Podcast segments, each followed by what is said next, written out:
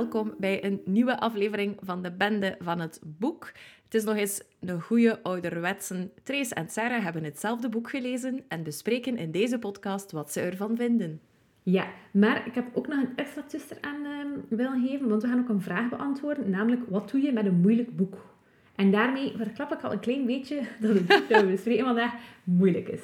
Ik ga zeggen, ik heb erop gezweet. Um, het is namelijk de jongste worp, dus de tweelingworp van Cormac McCarthy, uh, The Passenger en Stella Maris, vertaald als De Passagier en ook gewoon Stella Maris. Ja. Denk ik. Um, dus daarover gaan we vandaag babbelen. Ja, Trace. Cormac. Cormac McCarthy. Wist je dat Cormac eigenlijk al direct begint met een Freddy Ja? Niet zijn echte voornaam is? Eigenlijk heet hij Charles. Maar, Maar, ja, inderdaad. Maar blijkbaar is er al ergens een literair personage dat like Charlie McCarthy heet of zo. En eh, daarom heeft hij Cormac genomen. En dat was wat de bijnaam van zijn vader, want hij kwam uit een katholieke Ierse familie. Ja. En Cormac is wel een vreemd Ierse naam. ja. Eh, dus heeft hij dat als schrijversnaam Oh. gekozen. Oké. Dus dat is al direct het eerste weetje over Cormac Charlie McCarthy. Yes. Maar dus, eh Ierse familie, maar het is wel een Amerikaaner. Ja. Heeft gewoon Ierse roots en dan gemigreerd naar Amerika. Yep. yep. Ik denk dat ze er wel al even woonden. Ehm, ik denk misschien dat zijn grootouders gemigreerd zijn, dat weet ik niet meer zeker. Maar hij is wel echt all-American. Hij was in het zuiden van de Verenigde Staten vooral gewoond. En ik denk, als je zo zijn biografie leest nu, Sarah, ga je zeggen, ik ken al die plaatsnamen uit dat boek.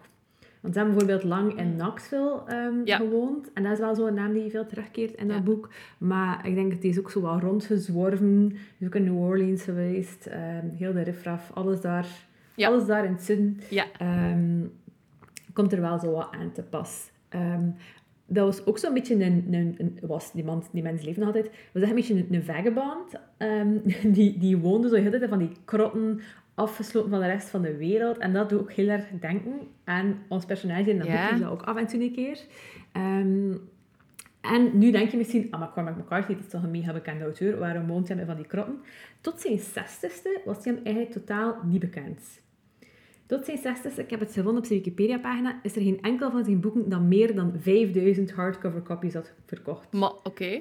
Wat dat gek is, want als je nu zoiets hebt van, oké, noem zo een paar van de bekendste Amerikaanse levende auteurs, ehm, dan is McCarthy daar wel echt één van. Mhm. Ehm, maar dus eigenlijk heeft hij pas later heel veel succes gehad. Zijn meest bekende romans heeft hij ook pas geschreven na zijn zestigste. En ik vind dat vrij tof. Ik vind het altijd leuk als ik zo lees dat mensen zo zijn doorgebroken of echt zo'n ding hebben gevonden nadat ze eigenlijk al op pensioensleeftijd Ja, zijn. ja, ja, ja, ja. Ik vind dat zo... Weet je, als je zo like, als dertiger denkt van, "Ah, ik weet niet wat ik moet doen met mijn leven en heeft het zin wat ik doe, je dan kunt denken van, misschien ga ik mijn belangrijkste... eh, Ja, ja, verwezenlijking, Mijn belangrijkste ja. activiteit, mijn verwezenlijking, gaat dan misschien wel pas gebeuren na mijn zestigste. Ja. Ik vind dat super hoopgevend. Ja. Eh, want nu dat hij, heeft het boek nu eh, uitgegeven, ik denk dat hij nu 89 is of zo. Ja, ja, je zegt wel al relatief oud, ja. Ja, hè? en dus heeft zijn drie belangrijkste boeken zijn denk ik Blood Meridian, The Road, heeft hij de Pulitzer Prize for Fiction gewonnen, hebben we allemaal gelezen, of de film gezien, en No Country for Old Men. Iedereen had hem gelezen of had de film gezien. Ja. Ehm, en die allemaal geschreven nadat hij denk ik al 70 was. Mai, oké. Dat is toch mega. Ja, misschien moest hij inderdaad gewoon voldoende levenservaring opdoen om zo'n ding te kunnen Ja. schrijven. Ja.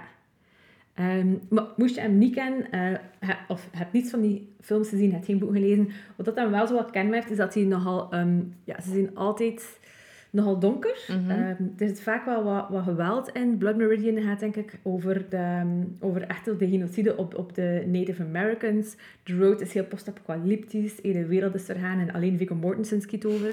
Eh, en dan No Country for Old Men is een beetje, een, een beetje western-achtig. Ik kan er niet veel over zeggen. Ik ben in slaap gevallen na 10 minuten van de film. Sorry. Het is wel met Javier Bardem. Het is helemaal Javier Ja. Bardem, dat is waar. Ehm, en ik moet zeggen, ik heb de verfilming van The Road ook nog niet gezien, omdat ik like, zo was aangedaan van dat boek dat ik het nog Ja. niet heb durven kijken. Ja. Maar ik weet dat er waarschijnlijk meer mensen de film hebben gezien dan het boek hebben gelezen. Dat weet je niet. Denk ik. Ja. Ik ga er gewoon even Vanuit gaan dat zo is. Ehm, dus daar staat hij een beetje voor bekend. Het is altijd wel redelijk donker. Het is nu niet dat hij zotte liefdesromans schrijft of zo. Alhoewel dat wel eh, een deel ervan kan uitmaken, zoals in dit boek. Ehm die heeft al veel geschreven, maar als je weet van, je is natuurlijk wel aan het schrijven van rond zijn 2025 tot zijn 90ste, valt ook wel mee. Ik denk 12 romans, die heeft ook wat toneelstukken geschreven, wat screenplays. Ehm, dus dat valt wel. Is wel allee, het is ook geen, geen Herman Brusselman, ik kan het zo zeggen. Ehm, wat kan ik nog zeggen? Ja, zijn meest recente boeken zijn dus eind 2022 verschenen. En dat is The Passenger en Stella Maris, die gewoon bij elkaar. En die zijn ook echt gepubliceerd. De ene op 25 oktober en de tweede op 6 december. Like dat hij echt dacht, dat hebben mensen genoeg tijd voor die nation te lezen. en dan zitten ze klaar voor de volgende. Ik vind dat cute van hem. Um, het, was, het was ook wel een... een uh, was het geen 16 jaar geleden of zo? Voor zijn vorige... Ja, het was sinds The Road dat hij niets meer publiceert. Dus waarschijnlijk dacht hij van, ik ga nu eindelijk op pensioen gaan.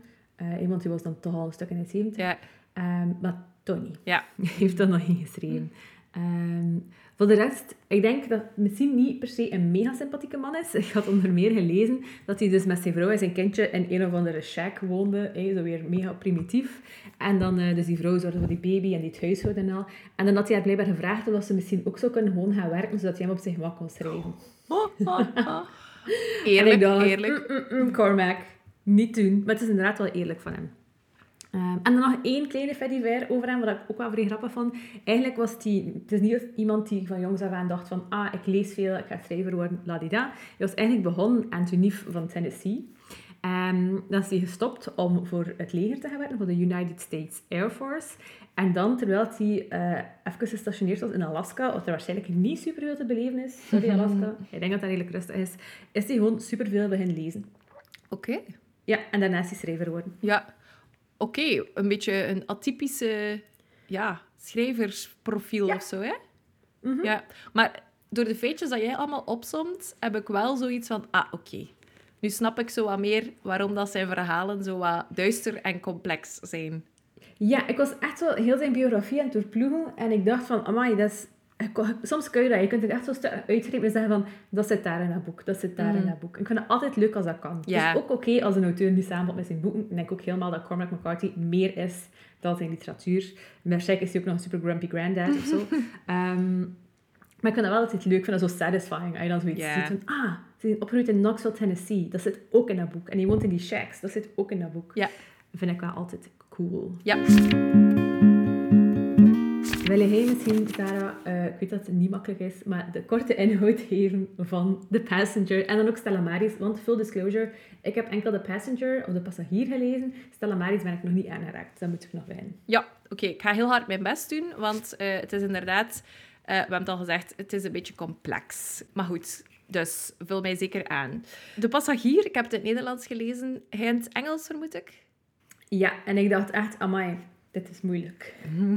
ah, wel, ik dacht dat ook. Ik heb het in het Nederlands gelezen. Ja, ik, dus... ik dacht dan in het begin nog van, ik vind het super moeilijk. Is dat nu omdat, omdat ik misschien wel dommer ben geworden of zo? Of omdat ik niet meer gewoon ben? Nee. Van in het Engels te lezen. Um, maar dus dan ik gepolst bij u en dacht ik, oké, in het Nederlands is blijkbaar ook moeilijk. Ja, ja. oké, hier gaan we. Dus in The Passenger um, is er één hoofdpersoon en dat is Bobby. Allee, hij heet voluit Robert Western. Uh, en die volgen we hè, op een aantal momenten in zijn leven. Het begint uh, met het feit dat hij een duikopdracht uh, heeft gedaan of krijgt. dus het is een professionele duiker. Maar je krijgt ook niet zoveel context. Dus je hebt al snel door van, oké, hij krijgt wat rare opdrachtjes of zo. Um, en hij is moeten duiken naar een vliegtuig dat is neergestort. Uh, en hij moet daar zo wat gaan uitzoeken van wat is er hier nu gebeurd. Ja. En dat is zo'n raar sfeertje. Hij denkt dat de mensen die in dat vliegtuig zaten al dood waren voordat het vliegtuig was neergestort. Mm -hmm. Er is de, hoe zeg je dat, de zwarte doos, die is precies ook zoek. Ja, dus het is zo wat, ja, voilà, zo wat mysterie. En hij praat zo wat met zijn compaan, want hij deed dat gelukkig voor hem met twee. Dus je denkt eerst van, ah ja, oké, de passagier, dat gaat gaan over iemand in dat vliegtuig die iets zot heeft gedaan, of weet ik veel wat. Maar totaal niet. Dat ja, vliegtuig... verdwijnt eigenlijk. verdwijnt inderdaad naar de achtergrond. Uh, nu, om, dit is de rubriek de korte inhoud. Wat moet je nog weten? Is dat Robert of Bobby een zus heeft, um, Alicia, die eerst Alice heette, maar ze verandert dan haar naam. Ze wisselen af en toe. Ja. Of ze verandert echt haar naam. Ik dacht dat ze... Allee, verandert. Ze zegt dan gewoon van... Vanaf nu wil ik dat je mij uh, zo ja. aanspreekt. Uh, die is een pak jonger. En het is al snel duidelijk dat die eigenlijk verliefd zijn op elkaar. Nu, je weet niet in het begin van hoe heeft die liefde zich dan geuit. Is dat gewoon zotte, zotte broer-zusband? Of was er daar iets meer aan de hand? Maar dan wordt duidelijk dat vooral de zus, de jonge zus, echt een, ja, droomde van een relatie. Uh, van, uh, ja, met Bobby ook wel, hè? Bobby ook, maar die was ouder, dus die wist wel een beetje ja, van... Uh, het is ja, die wist wel iets beter, dat wel niet echt de bedoeling ja. is. Voilà. En dan daarnaast kan ik vertellen dat, je, dat eh, Robert dan nu en dan afspreekt met een of, andere, een of andere vriend of een of andere vriendin, dat hij daar aan een gesprek mee heeft, dat je wel iets van info heeft over het Ja. leven dat is gebeurd, maar dat je ook soms wel denkt, fuck? Waarover gaat het? Wa- waar krijgt het een plek in het verhaal?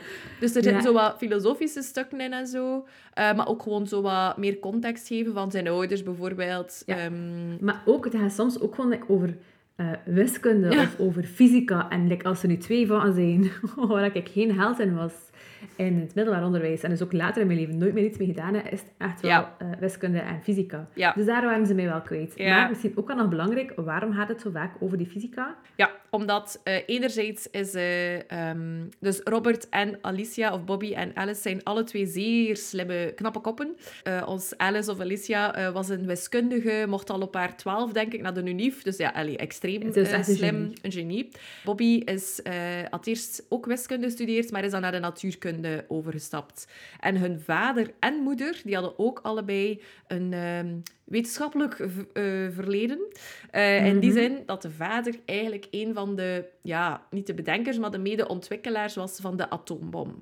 En Ja. eh, de moeder werkte daar ook, maar ik heb het gevoel, vooral omdat het een vrouw was, dat zij een lagere functie had. Niet Ja. omdat ze niet slim genoeg was, tussen haakjes, maar dat dat gewoon in die tijd ja, meer zo bedeeld was. Dus dat zijn zo'n beetje de pionnen Mhm. dat je meekrijgt in het begin. En eh, misschien nog één iets dat je wel moet weten. Je weet al vrij snel dat de zus gestorven is. En dat die... Op de eerste pagina eigenlijk Ja, al, hè? Ja, en Maar dat misschien die- heb je dat nog niet door dat de zus is. eh, ik, nee, ik denk het niet. Ehm, Ja. Want die zus heeft een ehm, psychische aandoening en ze is gediagnosticeerd, ik vind het altijd een moeilijk woord om uit te spreken, met schizofrenie. Dus ze heeft hallucinaties en die hallucinaties zijn in de vorm van een, het kind, eh, noemt ze het Mhm. ene figuurtje. is dus letterlijk een kind en die heeft geen armen, maar vleugels of vlerken. En dan brengt hij soms zo wat companen mee. eh, Ik weet nu hoe dat komt. In mijn hoofd was die een zeehond. Ah, Omdat die, omdat ze- nee, nee, maar hij is geen zeehond. We hebben door Nee. de manier waarop hij beschreven werd. ja, Ehm, omdat ik vrij ging over zijn, zijn, zijn hand. ja, ja. Ehm, maar de naam van die hallucinatie is de... de wacht, ik ga het erbij nemen, of ik ga het mis uitspreken. De, de naam van dat personage is de Thalidomide Kit. En dan heb ik ook gezocht, wat is dat, die thalidomide? En dat is eigenlijk de stof die ook in de softenol zit. Dus dat was dat, dat Ah, ja. medicijn dat bijvoorbeeld dat onder andere werd gebruikt tegen ehm, ochtendmisselijkheid. Maar waarbij dat ze vergeten waren te onderzoeken of dat eigenlijk wel schadelijk kon zijn voor de baby. Wat dan later bleek dat wel zo is, waardoor heel veel mensen geboren zijn ehm, met misvorming. En het kind, allee, de kid, is dus eigenlijk eh, iemand van wie zijn moeder dat heeft genomen. Vrij raar. Dat komt voor de rest ook totaal niet aan bod in dat boek. Nee. Maar ik, plots dacht ik van, ah oké, zo ziet hij er dus uit. Ja. Super raar. Ja. Maar dat toont ook al een klein beetje hoe dat boek in elkaar zit. Ja, je moet zeer veel Raar. zelf ontdekken. En raar, ja. Ja. Oké, maar ik denk dat dat misschien wel eigenlijk de hoofdlijnen zijn voor de korte Ja. inhoud. ik denk het wel. Oké, en nu dieper graven. Ik heb het gevoel dat we echt zeer veel materiaal nodig hebben om een deftige put te kunnen graven in dit boek. Ja, ik, ik denk, like, als je zo wil, kun je hier echt een paar weken over praten waarschijnlijk. Ja. Eh, of toch minstens een paar afleveringen. Ja, We gaan dat niet doen. nee. Maar ehm, ja, ik denk dat dat gewoon al weer heeft, want het is, het is heel intens. Het mij aan een paar verschillende auteurs al denken, gewoon over de manier waarop het verteld wordt. Mm. Ehm, toen ik daarnet een beetje research aan het doen was, zag ik de vergelijking met Faulkner, dus McCarthy en Faulkner. En als je Faulkner niet gelezen hebt, het is ook moeilijk. Omdat dat ook heel hard... ehm, ja, ik ga niet zeggen, het is niet per se puur stream of consciousness, maar het vertrekt like vrij vanuit de personages, waardoor dat als je een buitenstaander bent, niet altijd mee hebt wat er gebeurt. Ja. Weet je wel, er wordt niet superveel uitleg gegeven. En dat is in dit boek ook niet. Hè. Nee. Eigenlijk het zoiets van, je, je ziet wel wat er gebeurt, maar het is meer misschien like in een toneelstuk of zo, dat beschreven wordt en je ziet niet wat er daaronder zit. Ja, dat vind ik een goede vergelijking. Want hij is dan bijvoorbeeld, hij gaat dan op café of zo. En dan zegt hij, ah, hey, maat van lang geleden. En dan denk ik, oei, Ja, heb ik iets je gemist? totaal niet het van, oei, is die een maat? Ja. Denk, ik ken hem niet. Ja. Stel me een keer voor aan je maat. Ja, ja.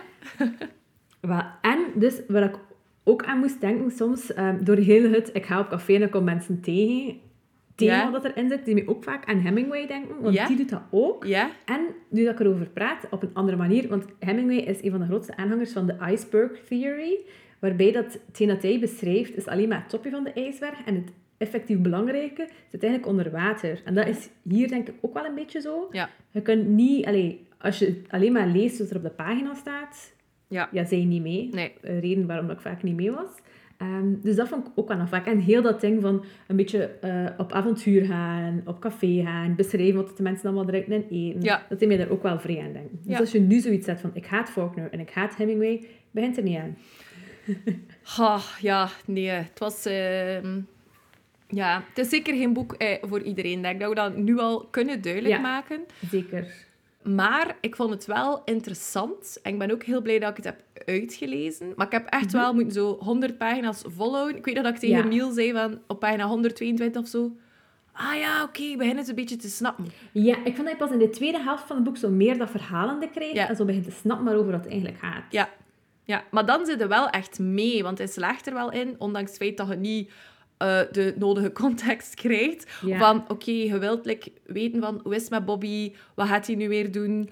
Eh, ja, want je hebt wel zo... Allee, je weet niet bijna veel over Bobby, maar ik voel wel voor Bobby. ja, ik ook. En ik ben nu niet per se een zotte aanhanger van incest of zo, maar ik vind het wel triest dat Ja. hij zo triest is. Ja, ja, ja, absoluut. absoluut. Want hij geeft ook op een heel mooie manier weer wat dat je dan eigenlijk voelt. Zeker Ja. eh, vanuit, eh, vanuit Bobby zijn kant. Zo wat, je voelt die emoties niet eenmaal, maar je weet dat dat niet kan. Of dat dat ook gewoon gevaarlijk is. Maar je hebt dan je jongere zus, waar dat hij eigenlijk ook... Ja, omdat hij zoveel ouder is, kan hij daar eigenlijk ook misbruik van maken als hij wil. Maar hij doet Ja. dat voor alle duidelijkheid niet. En hij heeft eigenlijk de moeilijkste positie, want hij is Ja. de verantwoordelijke en moet, die, moet zijn zus eigenlijk op afstand eh, eh, proberen te houden. Of op andere gedachten proberen eh, te brengen. Ik zag zo qua type zo'n beetje... Om een of andere reden gelijk Brad Pitt voor mij. En ehm, Once Upon a Time in Hollywood, ik weet niet of je die film hebt gezien, dat is hij zo al Ja. een beetje... Allez, zo wat gebruikt ook, zo van, van buiten Ja. te leven. Zit hij zo ook op een dak op een bepaald moment. Dus ik zag zo'n beetje zo, een beetje gespierder type voor, voor mij. Die dan zo, ja, weet je wel, zeer traag aan een bar zit of ergens gaat gaan eten en zo wat rondjolt. Oh, ik ben en eigenlijk, het is ook echt gewoon een good guy. Ja, ja, ja. Als je hem zo like, hoort, hoort praten met zijn vrienden en al, die vrienden ook redelijk divers. Sommigen wonen ook zo like, afgeleefd in de shack, Ja. zitten like, half in de criminaliteit. Je heeft ook een, en- een eh, als ik het juist heb begrepen, een eh, transgender vriendin, toch? Ja, Ja, ja, die zit er ook in. Misschien heeft hij een beetje zelfmedelijden, maar nu ook niet overdreven veel, vind ik. Ehm, maar gewoon begaan met de mensen. Ja. We hebben trouwens nog een vreemd element dat we zijn vergeten. Dat we nog niet hebben verteld. En dat Ja. is dat Bobby om een of andere reden achtervolgd wordt door twee mannen. En die, er wordt zo niet gezegd van wie, wie dat, dat zijn. Hij weet het zelf Nee. ook niet. En het interesseert hem gelijk niet. Je is zo van, ah ja, die twee gasten zijn daar weer. Ah ja, mijn appartement Maar zijn, is dat niet zo wat doordat hij dat vliegtuig heeft onderzocht? En wel, dat weten we eigenlijk niet, hè. Nee, we weten dat niet, maar ik ga er, nu- ik ga er nu even van uitgaan, want je onderzoekt dat vliegtuig samen met zijn mededuiker, Ja. eh, wiens naam dat ik even vergeten ben, want iedereen heeft rare namen in dit boek. En ze onderzoeken dat, daarna moet Bobby like, ergens anders even naartoe, en als Ja. hij terugkeert, is die vriend ook dood. Ja, ja. En is Bobby zijn appartement doorzocht en zijn die twee gasten daar heel tijd die vragen staan. Dus ik had eigenlijk gelinkt aan elkaar en ik dacht, misschien is er ergens zo een soort van complot, Ja. want er wordt ook af en toe al gepraat over complot. Ja. Ehm, is er een complot? En is dat daarom, omdat hij misschien daar meer over weet, of omdat ze bang zijn dat hij daar meer over weet, dat ze hem achtervolgen? Ja. Want het is ook zo van, hey, ik kan bijvoorbeeld niet meer aan zijn geld, ze hebben zijn auto in een wielklem gezet, en het is zo van, we kunnen u nog niet echt arresteren, maar aangezien dat je niet aan je geld kunt, dat je niet meer legaal kunt werken, dat je niet kunt wegrijden met die auto, wachten we gewoon totdat hij iets illegaals doet, Ja. en dan pakken we u op. Ja. Waardoor dat hij dus dan zo'n beetje ja, off-grid gaat eigenlijk. hè. Ja, dat hij echt... Maar ik weet dat ook heel tijd niet. Ik was altijd van, is dat nu echt of zit dat nu in zijn hoofd? Ah ja, dat hij wat paranoia Ja. wordt. Ah, zo. Want ik dacht dat misschien iets te maken had met het feit dat zijn vader dus verantwoordelijk alleen meegewerkt heeft aan de atoombom. En die heeft uiteraard heel veel documentatie daar rond. Zijn ouders zijn ook al gestorven, alle twee. Eh, maar het huis van de oma, ehm, dat is er wel nog. En daar zijn ook papieren gestolen. Ja. Dus ik, ik dacht is misschien ook daardoor ergens dat ze hem als zoon Mhm. van proberen eh, Ja. ergens, ik weet niet... Ja, ja, het is dus niet duidelijk waarom, maar er, Nee, voilà. er zitten mensen achter. hem. ja, ja, maar ik vond dat zo absurd ook, omdat hij daar... like, hij zegt dat wel dan even. Hij, hij eh, logeert dan even... ehm, hij verlaat zijn appartement, want hij heeft door van... Oei, ze weet mij wonen. Dan logeert hij boven een café in een kamertje. ehm, en Met dan... zijn kat Billy Ray. Ja, juist. Oh, dat was zo erg als die verdween. Ik vroeg me af, is die kat dan vernoemd naar Billy Ray Cyrus of is dat nog te vroeg? Dat terzijde. Ja, we kunnen van alle... Je kunt... Je kunt we hebben het al aangehaald. Je kunt echt overal Ja, een eigen Als je wilt, je echt op elke pagina denken van, ook ik ga dat even opzoeken op Ja. Wikipedia. Maar dan raak je echt niet vooruit. Nee, nee. Voilà. Dus we hebben die setting. Wat hebben we dan nog? De, de oma die speelt eigenlijk ook een rol. Omdat de ouders van Bobby en Alice... die zijn alle twee relatief jong gestorven aan kanker... door natuurlijk in eh, Mm. atoombomland eh, te werken. Eh, dus die zijn snel opgevangen door eh, de mama van de mama. En die was eigenlijk een beetje bang van Alice. Eh, die wist niet goed hoe dat ze moest omgaan met het feit dat dat meisje zo intelligent was. Dat die ook over... Die, die had dan ook haar hallucinaties die, die begonnen. Eh, die moest die dan zo naar de Unief brengen. Haar, haar kleindochter van 12 jaar, zo afzetten naar het station. Dus die was zo... Ja... Is dat iets dat in Stella Maris dan Oei. weer aan bod komt? Ah, ja, ik dacht... Ah, nee, nee, maar dat is oké, hè, want ik heb dat niet gelezen. Ik heb zoiets van, ik heb dat nu gemist in dit boek. Ehm, Eh, dus misschien moeten we ook zeggen, Estella Maris is eigenlijk... Dat is de plaats van eh, de instelling waar dat Ja. Alicia drie keer, denk ik, eh, in totaal in verblijft. Elk hoofdstukje is een verslag van een afspraak die ze heeft met een psycholoog daar. Of met een psychiater. Dus het is gewoon letterlijk wat dat ze alle twee zeggen om de beurt. En dat is het. En daardoor kom je natuurlijk wat meer te weten over alles. En ik vond het eigenlijk wel nuttig, omdat ik soms Ja. wel dacht... Ah, ja, ja, ja, zo. ja, maar ik heb het Ah, zeker ja, wel nog lezen. Ja. Want het, Ja. Het, het unieke is dus... In het boek De Passagier hoor je niets vanuit de kant van Alicia, want zij is gestorven. Ze heeft zelfmoord Maar gepleegd. wel een beetje. Zo, maar zo haar gesprekken met haar hallucinaties lees je wel, Ja, hè? dat wel. Maar je hoort niets uit, ehm, ja, uit het gewone leven. Het is niet dat je hoort dat zij communiceert met Bobby, bijvoorbeeld. Nee, nee, niet nee, met de oma. Dat is allemaal vanuit eh, Bobby verteld. En dan is Stella Maris... ehm, ja, hoor je wel die kant. Leeft zij ook. En zij denkt dat Bobby dood is. Dus het is precies het omgekeerde. En ik had dat ook niet door. Maar in, er staat inderdaad in de passagier dat Bobby ook even een Formule 1-piloot is. En dat hij een zwaar... Formule 2. Formule Je leest alleen 2, Formule juist, 2. Ik, juist. ik, ik had zoiets van, wat, Formule 2? Bestaat dat ook? Juist, ik was al vergeten. Eh, maar hij heeft, Ja. hij heeft op een bepaald moment een zwaar ongeluk. En dat weet je wel in de passagier, maar dat lijkt zo'n detail. Maar, Ja. maar hij ligt dus in coma blijkbaar even. Dus eh, ons eh, Alicia die heeft iets van, ja, die gaat doodgaan. Dus in haar hoofd is Bobby dood. Waardoor dat ik het gevoel heb van, oh nee, die heeft dan waarschijnlijk uiteindelijk zelfmoord gepleegd, omdat ze dacht, Bobby is er toch niet meer. En die, dat is de enige persoon eh, die mij echt, echt begrijpt. Maar dat, dat, die Stella Maris... Dat is mega triest. Ja, maar het is geen triestig boek. Ik denk als je Stella Maris op zich leest, je kunt het op zich lezen. Het is sowieso het, nut, allee, het leukste dat je, het, al- dat je het alle twee samen leest, maar je kunt het ook wel op zich lezen, omdat je dan... Ze, ziet zo, ze kijkt zo nuchter naar alles. Ze kijkt zo nuchter naar, haar, eh, naar de kid, eh, het kind. Mhm. eh, die, die, na- dan de gesprekken ook met die arts, neemt zij soms de, de leiding in dat gesprek.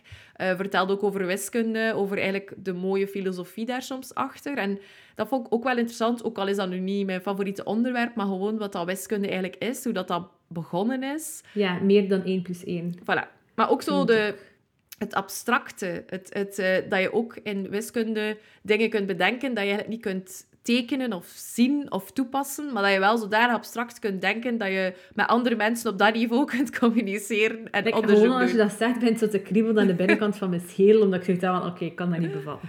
Ja. Maar ik ben heel benieuwd. Ja, dus het zorgt er wel voor, inderdaad, Trace, dat ik niet meer goed weet wat stond er in de passagier en wat stond er in Stella, Ja. Stella Maris. Dat wel, ja.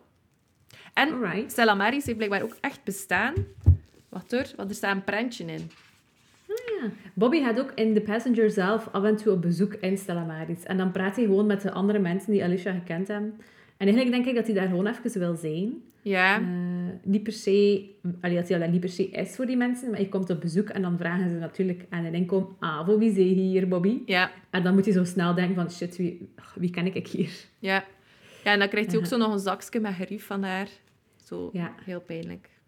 Eh, want er staat ook een beschrijving als ze toekomt. Dat is de eerste pagina. Zie je zo Stella Maris, Black River Falls, Wisconsin en een fotootje. Opgericht in 1902, sinds 1950 een niet-confessionele instelling en hospitium voor medisch-psychiatrische zorg. En dan 27 oktober 1972, bewonersafdeling dossier 72118. Patiënt is een 20-jarige blanke Joodse vrouw, aantrekkelijk, mogelijk anorectisch, arriveerde zes dagen geleden bij deze instelling, kennelijk per bus, zonder bagage. Opnameformulier getekend door dokter Wegner. Patiënt had plastic zakje vol 100 dollar biljetten in haar handtas, iets meer dan 40.000 dollar, dat ze aan de receptioniste trachtte te geven. Patiënt is promovendus in de wiskunde aan de University of Chicago en gediagnosticeerd als schizofreen met een lange ziektegeschiedenis van visuele en auditieve hallucinaties. Is tweemaal eerder in deze instelling opgenomen geweest. En dan voel dat die passage u bijna meer informatie heeft dan het volledige, volledige Ja. boek van de Passenger. Absoluut. Ja, klopt. Ja. Nee, wat dat ook nog allee, soms wat bijdraagt aan de verwarring, is de manier waarop de gesprekken zijn vormgegeven. Ja. Want één, er staan geen aanhalingstekens, dus je weet ook nooit van waar, vanaf waar begint een dialoog. Ja. En er staat nooit bij wie dat wat zegt. Dus je moet soms echt een keer gaan kijken, zo'n beetje alterneren. van, Oké, die persoon heeft dit gezegd, dan kwam de antwoord. En dan moet je zo'n beetje rekenen, ene pers- persoon A, persoon B, persoon A, persoon B. Om dan zo uit te komen van, oké, deze zin wordt uitgesproken door Bobby. Ja. Ik denk dat ik mee ben. Ja. Dus het is wel... Ik, eerst las ik het vaak s'avonds voordat ik ging gaan slapen, want dat is mijn leesmoment. Maar ik moet zeggen dat dat niet ideaal was, omdat het wel nog ingewikkeld is. En dan heb ik moeten overschakelen naar overdag lezen. Gewoon om mee te zijn. Ja. Ja, dat is wel waar. Ik heb nog nooit zoveel ehm, aanhalingstekens gemist in mijn leven. Toch? Ja.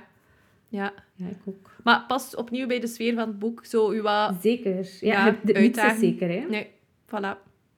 Nee, in het begin was ik ook vaak niet zeker van... Is, allee, omdat het begint eigenlijk... De eerste pagina is een soort van beschrijving, het tafereel van waar de Alice zelfmoord heeft gepleegd. Mhm. Dan het stuk daarna is een hallucinatie. Maar dus op dat moment weet je nog niet van, is het een hallucinatie? Of ben ik gewoon een raar sci-fi boek aan het lezen? Ja. Ehm, en pas daarna begint het over Bobby te gaan. Ja. Dus- maar dus tegen dat je daar zit, heb je al zoiets van, ik weet niet wat voor boek dat het is. Ja. Is, is het hier een realistische roman? Is het hier een sci-fi of Mhm. whatever? Ehm, en je weet gewoon al niet meer wat je moet geloven. Nee. Terwijl, waar we gewoon begonnen met Bobby, zou je dat probleem niet hebben. Mhm. Dus dat is wel interessant. Door like, u zo direct op de verkeerde voet te zetten, blijf je heel dat boek twijfelen van wat is er nu echt gebeurd Ja. en wat niet. Ja, ik vond het ook met die hallucinaties. Dus ze voert echt gesprekken met het kind. Mhm. Maar ook wel soms mooie gesprekken. Ik dacht eerst, oké, is dit nu griezelig? Of niet? Ook. Of is dat haar vriend? Of is dat haar... Dus ik vond dat ook moeilijk, want ook de, de, de personages die hij meebrengt, die moeten haar zo gezegd soms entertainen. Ja, die doen zo van die rare toneeltjes. Maar die klinken zo mooi allemaal. Als ze zo Ja. de, de kostuums, ze hebben echt kostuums en zo eh, aan. Als hij dat beschrijft, dan, dan denk je, ah, misschien is het meer zo op een kinderlijk niveau. Ja, je weet Dus- zo niet van, zijn ze daar om maar te kwellen? Ja. Of zijn ze daar om maar te helpen? Ja. Je, je kunt het zo niet Nee, zeggen. nee en ook Het niet... kan ook echt zo like, op één pagina het ene zijn en het andere. Ja, klopt. En in Stella Maris wordt dat ook niet verduidelijkt. Was, ze vragen dat dan letterlijk aan haar. En dan zei ze dat ze het zelf niet weet. Dat, dat ze dat gewoon aannam als... Oké, het kind en zijn companen, zegt ze dan, die waren er gewoon. En ja, ik, ik weet ik niet of dat, mij kwelde of mij hielp, maar die waren er gewoon. Die vond dat zo een rare vraag. Dus het wordt niet verduidelijkt. Eh, Ja. Ja. Ik hoop ook dat we nog niet te veel hebben afgestrekt om het te lezen, want het is wel een heel interessant boek. ja, Ehm, de beschrijvingen zijn ook echt mooi, Ja. vond ik. ja. Dat kan de Cormac wel echt goed. En, Eh, en jou ook doen aanzetten tot zo nadenken van, amai. Allee, het zijn eigenlijk heel andere thema's of heel andere situaties dan dat je in andere boeken leest, waardoor dat je zo... Allee, het is niet dat ik heb gedacht, amai, moest ik verliefd zijn op mijn zus, wat zou dat met mij doen? Maar meer zo dan de impact of zo, dat, die, dat Bobby dan ook echt op de vlucht moet, of dat hij Ja. geen opvangnet heeft, dat hij zo... Eigenlijk is een heel eenzame figuur. Dus zo... Ja, en heeft zowel die vrienden al, maar eigenlijk heb ik het gevoel dat hij er meer is voor die vriend dan Ja. andersom. Die weten ook niet veel over hem. I- Allee, Nee. Je voelt wel dat het zo'n beetje geweten is dat hij met zijn zus... eh, ja, ja, dat weten ja. ze wel, hè. Ja, Eh, maar het is ook zo, soms komt hij ze dan tegen en zeggen ze, ah, hebben nu al twee jaar niet gezien, Ja. wat is er gebeurd? Je kunt ook, dus ik denk, in het begin was ik zelfs niet zeker, wordt dat nu chronologisch Ja, verteld of niet? Ik denk niet. het wel. ja, Maar er kan echt wel veel tijd tussen zitten. Dat Ja. hij zo wat rondwaart, eh, dat hij dan eerst een beetje een duiker is, dat hij dan ehm, zo even, ja, zo meer rondzwerft zelfs. ja, Eh, hij eindigt dan ook plots in Ibiza. Ja, ja. Oké, nice. Maar Cormac McCarthy is ook nog op Ibiza geweest, dus waarschijnlijk wordt hij gewoon dat tripje in onkosten steken. Ehm, en zo en dat. Allee, je weet het zo like niet helemaal. En die vrienden, soms zien ze elkaar lang niet. Eh een, van zijn, een van zijn betere vrienden, ik heeft dan heel het rondgezorgd, die komt dan terug in, in New Orleans. En dan hoort hij plots dat een van zijn betere vrienden al een heel tijdje gestorven is. Ja. Want die vraagt zo'n andere vriend, hey, heb, je, heb je je dingske onlangs nog gezien? En die, die kerel zegt, ja, ja, niet sinds de begrafenis. En dan, dan vraagt Bobby, welke begrafenis? Ah ja, zijn begrafenis. En dat is like echt van, oeh, pijnlijk. ja, Ehm, ja. ja. Ja, het is wel een eenzame man. Ja, hè? Eh, omdat je voelt wel dat de persoon dat hij nog altijd het liefste ziet en wat hij meest interne dialoog mee heeft, is wel nog altijd die zus. Ja. ja. En wat hij zelf zegt, is hij blijft eigenlijk over rouwen. Maar dan zegt hij op een bepaald moment, um, tijdens zijn, um, zijn, zijn zwerfstadium... Uh, wacht, ik ga het er een keer. Ja, dus hij woont ook zelf even in een hut, omdat hij echt weg moet uit de stad of uit de, ja, de plaats waar dat ze hem kunnen vinden. Hè. Ja, op een bepaald moment zegt hij dan... For all his dedication, there were times he thought the fine, sweet edge of his grief was thinning. Dus hij van... Hmm. Allee, je rouwt wel, maar die rouw is ook wel het belangrijkste in zijn leven. Ja. Dus like, als hij stopt met rouwen, dat hij zo stopt met daar graag te zien, en dat wil hij eigenlijk niet. Ja. ja, want hij zegt ook vaak dat hij bang is van te vergeten hoe dat ze eruit zag, hoe dat ze klonk. Mm -hmm. Dus dat is ook iets dat... ja. ja. Ja, dat vaak terugkomt. Hè. Ja. Dat... En dan vond ik ook, dus die hebt al verteld, zijn vader was een van de, de ontwikkelaars um, van de atoombom. En dat is ook zoiets dat ik nog af en toe een keer terugkomt. En dat vind ik altijd um, wat fascinerend, omdat bij ons is dat like, niet echt een, een thema of zo, maar daar is dat, voelt dat wel meer aan als een soort van nationaal trauma. Mm -hmm. Well, shit, we hebben dat like, ontwikkeld en daar dan iets mee gedaan. Mm -hmm. En iedereen keek like, zo naar die vader van, oh, slechterik, want dat was een ontwikkelaar van een atoombom. Maar eigenlijk is het wel like, de Verenigde Staten van Amerika die die bom heeft gegooid. Hè. Het is niet Ja. dat... Hem is like, niet een soort van Dr. Evil die dat heeft bedacht en dan ergens opgegooid heeft. Want die werkte natuurlijk ook in opdracht van het Amerikaanse leger, neem ik dan aan. Ehm, en die beschrijving van die atoombom vond ik ook wel nog Ja. fascinerend. Het is meer naar het einde van het boek heeft hij het er nog een keer over. En dan, ehm, eh, dan, dan lees je... eh, His father, who had created out of the absolute dust of the earth an evil son, by whose light men saw, saw like some hideous adumbration of their own ends through cloth and flesh the bones in one another's bodies. Like, dat je echt zo denkt van, oké, dat moet like wel wat geweest zijn, die atoombom. Want persoonlijk, ik weet daar eigenlijk bijna niets over. Ehm, ik, allee, ik, ik kan u niet zeggen van, het effect van de atoombom was dit. Weet je ik zie gewoon die, die mushroom cloud en voor de rest Ja. ehm, is, is dat allemaal eh, nog heel vaag. En dat, dat is ook wel iets dat zo nog vaak terugkomt. Dat Ja. je denkt van, oké Bobby, maar hij heeft daar nu wel echt geen schuld aan. Dat die vader dat heeft gedaan. Ja. Op een bepaald moment zegt hij ook... Momentje, ik ga het er nog bij nemen. En dan, en dan stop ik ze. Western fully understood that he owed his existence to Adolf Hitler. Omdat zijn ouders elkaar dus ontmoeten tijdens de ontwikkeling van die atoombom. En die atoombom zou waarschijnlijk niet ontwikkeld geweest zijn, of toch niet op dat moment, ehm, als er geen Tweede Wereldoorlog was. Dus eigenlijk, Adolf Hitler heeft rechtstreeks geleid tot de geboorte van Bobby. Ja. Ja. Wat gek is. Ja. Ja, die atoombom. Ik ben in, eh, in Hiroshima geweest en in Nagasaki. En dan heb je uiteraard eh, musea Kan ik me daarover. voorstellen. En dan gaat dat enerzijds over de gevolgen eh, daar ter plekke, maar geven ze ook heel veel aandacht, eh, zeker in Hiroshima, aan het ontstaan van die atoombom, het team erachter. Dus ook zo de wetenschap, want op zich, ja, qua... qua allez, ik ken daar niks van, maar qua fysica en zo, dat dat Mhm. echt een groot team was die daarmee bezig was. En dat voel je ook in dat boek, dat dat Ja. voor, die wetens, allez, voor die, de wetenschappers zelf, dat dat iets anders was dan dat wij de atoombom inderdaad eh, zien. Dus ook dat er dan zo mensen uit hun huis werden gezet in de Verenigde Staten om daar fabrieken te kunnen bouwen. eh, om Ja, zo... want is die de... Wordt de, de andere grootmoeder Ja. ook niet uit haar huis gezet daarvoor? Ja, dus de ouders van de papa worden inderdaad ont... Hoe zeg je dat weer? Onteigend. Onteigend. eh, om daar fabrieken te zetten. Of ja, een hangar, of ik weet niet waar je dat in bouwt. Eh, en heel veel mensen daar lokaal gingen daar ook werken. Dus dat was Ja. dan zo, hè, was de mama eh, een van de... Zij was een... eh, een eh, hoe noem dat weer? Die, was toch een, die had een misverkiezing of zo ge- gewonnen. Dus die was super knap, Ja. maar ook heel slim. Dus die ging daar dan gaan werken. En uiteraard hebben al die mensen dan kanker gekregen door al die straling de hele tijd. Dus dat, dat geeft ook zo wat de lokale ja, Mhm. eh, context of zo mee van die atoombom, inderdaad. Ja. Alright. Ik denk dat we al heel veel hebben gezegd over het boek. Ja. Ik wou nog even stilstaan bij de vraag dat we ons alle twee hebben gesteld hè, toen we aan het lezen waren. Ga ik eigenlijk wel verder lezen, want ik vind het moeilijk. Mhm. En dat is nog een vraag dat je, like, allee, niet per se omdat je het moeilijk vindt, maar er zit af en toe zijn je een boek aan het lezen en hij is zoiets van, ga ik wel verder lezen? Mhm. Want ik vind het niet interessant, of ik snap niet waar het naartoe gaat, of ik vind het te ingewikkeld, of ik vind het niet mooi geschreven. Ja. Eh, en ik vind het altijd zo een moeilijke vraag om te weten, vanaf wanneer ga ik beslissen om het niet te doen? Ja. En ik weet nog dat we een paar jaar geleden hebben we een boek gelezen van Javier Marias. Ja. Ehm, Zo begint het slechte was dat. Dat is een boek van, dat was een redelijk dik, Ja. 500, 600 pagina's. Ja.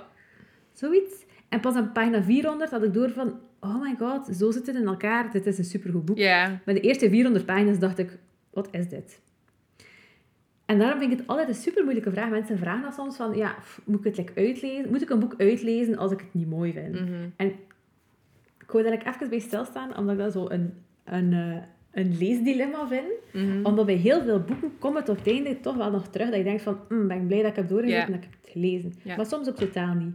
Ehm, dus ik denk dat er zo verschillende redenen zijn, zoals ik net al zei, waarom dat je kunt stoppen met een boek. Mhm. Ehm, en ik denk like, de enige reden waarom dat ik stop met een boek, als ik, het, allee, als ik denk van, "Mm, ik vind het moeilijk, is als ik de stijl echt niet goed vind.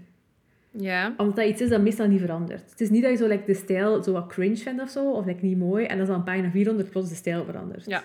Ja. Ja. Ehm, Ik denk dat bij mij eerder is als ik het echt niet geloof. ah ja, dat is de willing suspension of disbelief is er gewoon totaal niet. Ja, voilà. Like En bijvoorbeeld... wanneer heb je dat laatst gehad? Ja, ik verwijs altijd naar hetzelfde. Eh, ah ja, ik weet al wat dat zeggen. That's a Little Life. Ik vond dat... ehm, ik vond dat dan wel weer mooi geschreven en qua stijl Mhm. helemaal mee. Maar ik kan gewoon echt niet geloven dat iemand, dat één iemand, zoveel shit meemaakt. Het, ze, ze, ze, de Jana Gira heet ze zeker, die kon mij gewoon niet overtuigen van haar verhaal. En dat is voor mij, denk ik, de... Want dit is... Hè, het is ehm, zowel... Nee, vooral De Passagier is, is ook een complex verhaal. En het is ook Mhm. veel shit. Maar het wordt zo op een manier gebracht, ook door die andere personages en door de context, dat het gelooft. Mhm. Het gaat zelfs over hallucinaties en, en, Ja, en dergelijke. Eh, dus ik heb het niet over fantasy of zo. Hè. Dat het, het moet gewoon... Maar, maar op zich, fantasy, als dat goed gebracht wordt, geloof je Ja. het ook wel, hè? In zijn, in zijn context. ja, ja. Maar inderdaad, als je het dan niet gelooft in zijn context, dan ja, Ja. ik. Dus dat, dat is voor mij... eh, en als het een slechte vertaling is, Ja. zou ik ook dat gewoon proberen, als ik het kan. Ja, ik kan niet switchen naar het Spaans. Maar dan zou ik misschien wel nog zoeken naar het Engels of zo. Ja. Dat wel. Maar het moet echt bij mij al vrij... En ik denk dat ik wel een doorzetter ben. En ik denk ook dat we misschien onszelf als lezer al goed genoeg kennen om niet vaak een boek te kiezen Misschien. dat we niet leuk gaan vinden, Ja, misschien wel. Ja, denk ik. ja. Maar je moet je ook niet schuldig voelen. Hè? Want ik ga eerlijk zijn, die passages, Nee. als dat over die wiskunde gaat, ja, kijk, dat ook hier oh, en ik, daar ik wat- skim dat dan gewoon. Ja. Zo. ja, het is dat. Ik denk dan ook, misschien als ik binnenkort een keer bij veel tijd of zo, allee, ik reken er niet op, zou ik het misschien zelfs nog een keer opnieuw lezen en denk van, oké, nu ga ik misschien er Ja. meer van snappen als ik het nog een keer lees. Ja. Nog een reden waarom dat ik misschien een boek aan de kant zou leggen, en dat heb ik vorig jaar effectief een keer gedaan, en dat was super lang geleden, want meestal lees ik alles uit. En dat boek, en ik zal eens even de naam en de auteur vergeten, Eh, maar dat ging over drie vriendinnen, die zo wat begin de 30, eind de 20 zijn, denk ik. En ehm, de ene heeft net een kind gekregen, maar ze zegt, zotte heel baby, het is allemaal vrij lastig. De andere zit in een fertiliteitstraject en Ah, die ja. vraagt zo het ene miskraam naar het andere. En de derde, ehm, weet, is er nog niet begonnen met kinderen, heeft ook geen lief. Eh, denkt dat ze voor eeuwig 21 gaat zijn, maar is dus al even niet meer 21. Eh, maar dat was net het punt dat wij zelf like, aan het proberen waren voor een baby. En ik las dat boek en ik dacht, dit is gewoon totaal niet goed voor mij Nee. om dat nu te lezen. Dus dan heb ik, omdat like, het thema te dichtbij kwam, Ja. dacht ik ook van... hmm.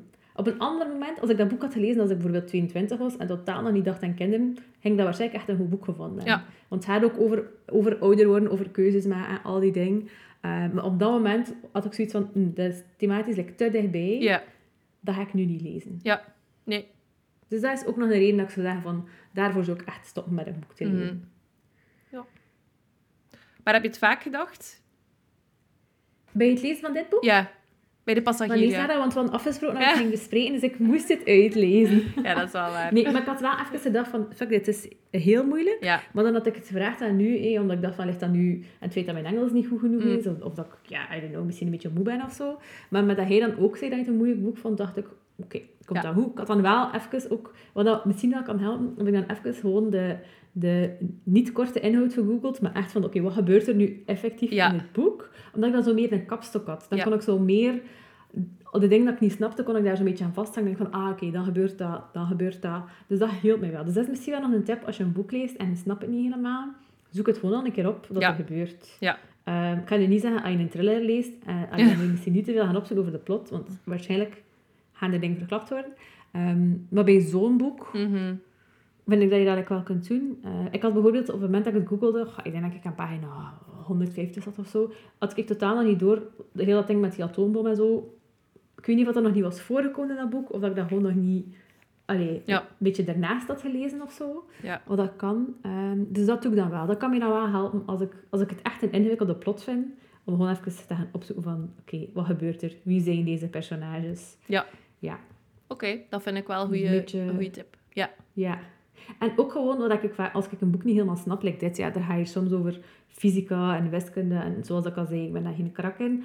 denk ik gewoon, ah, dat zal wel niet super belangrijk voor de plot. En dan skim ik dat gewoon een beetje. Dan Ja. ga ik daar zo wat los over. En dan probeer ik te focussen op echt personages, plot. Wat gebeurt er? En dat helpt mij ook wel. Ja.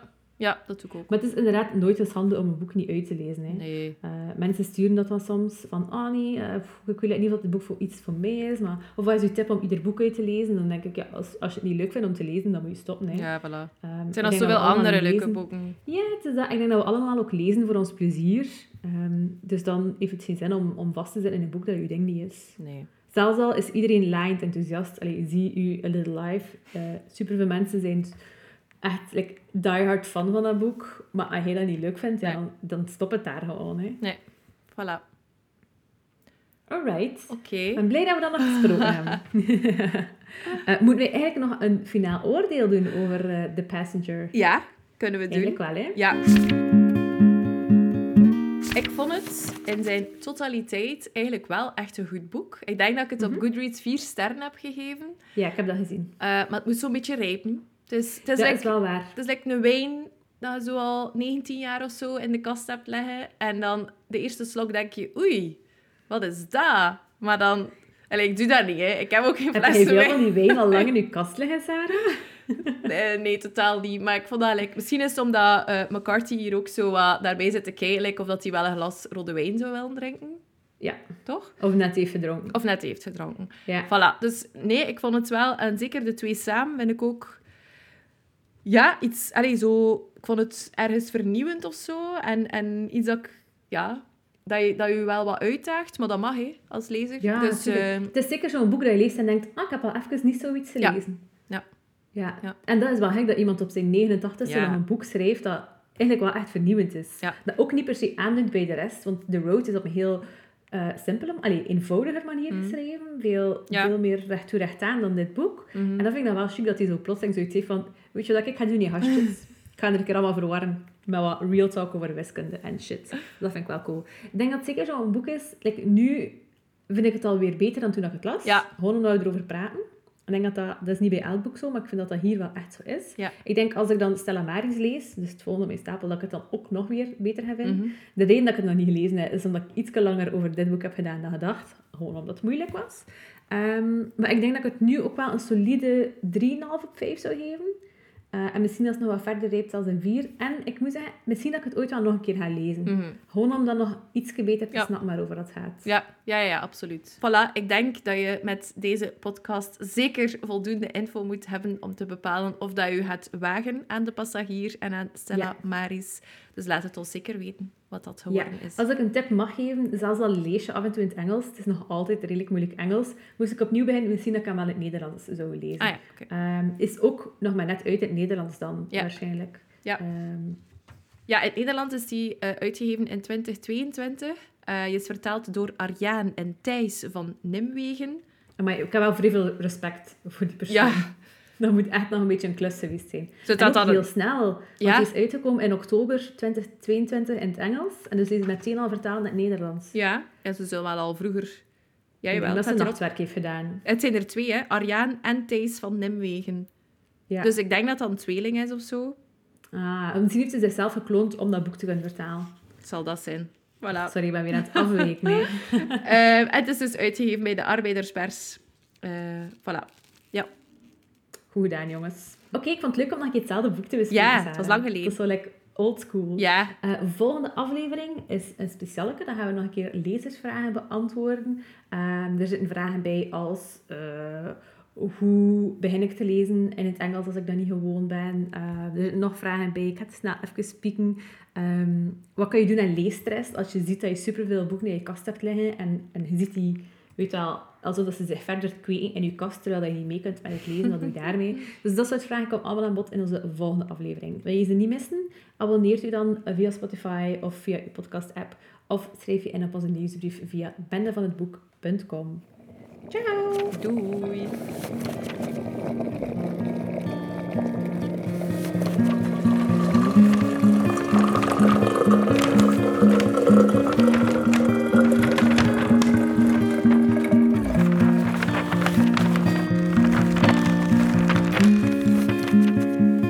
Van het boek.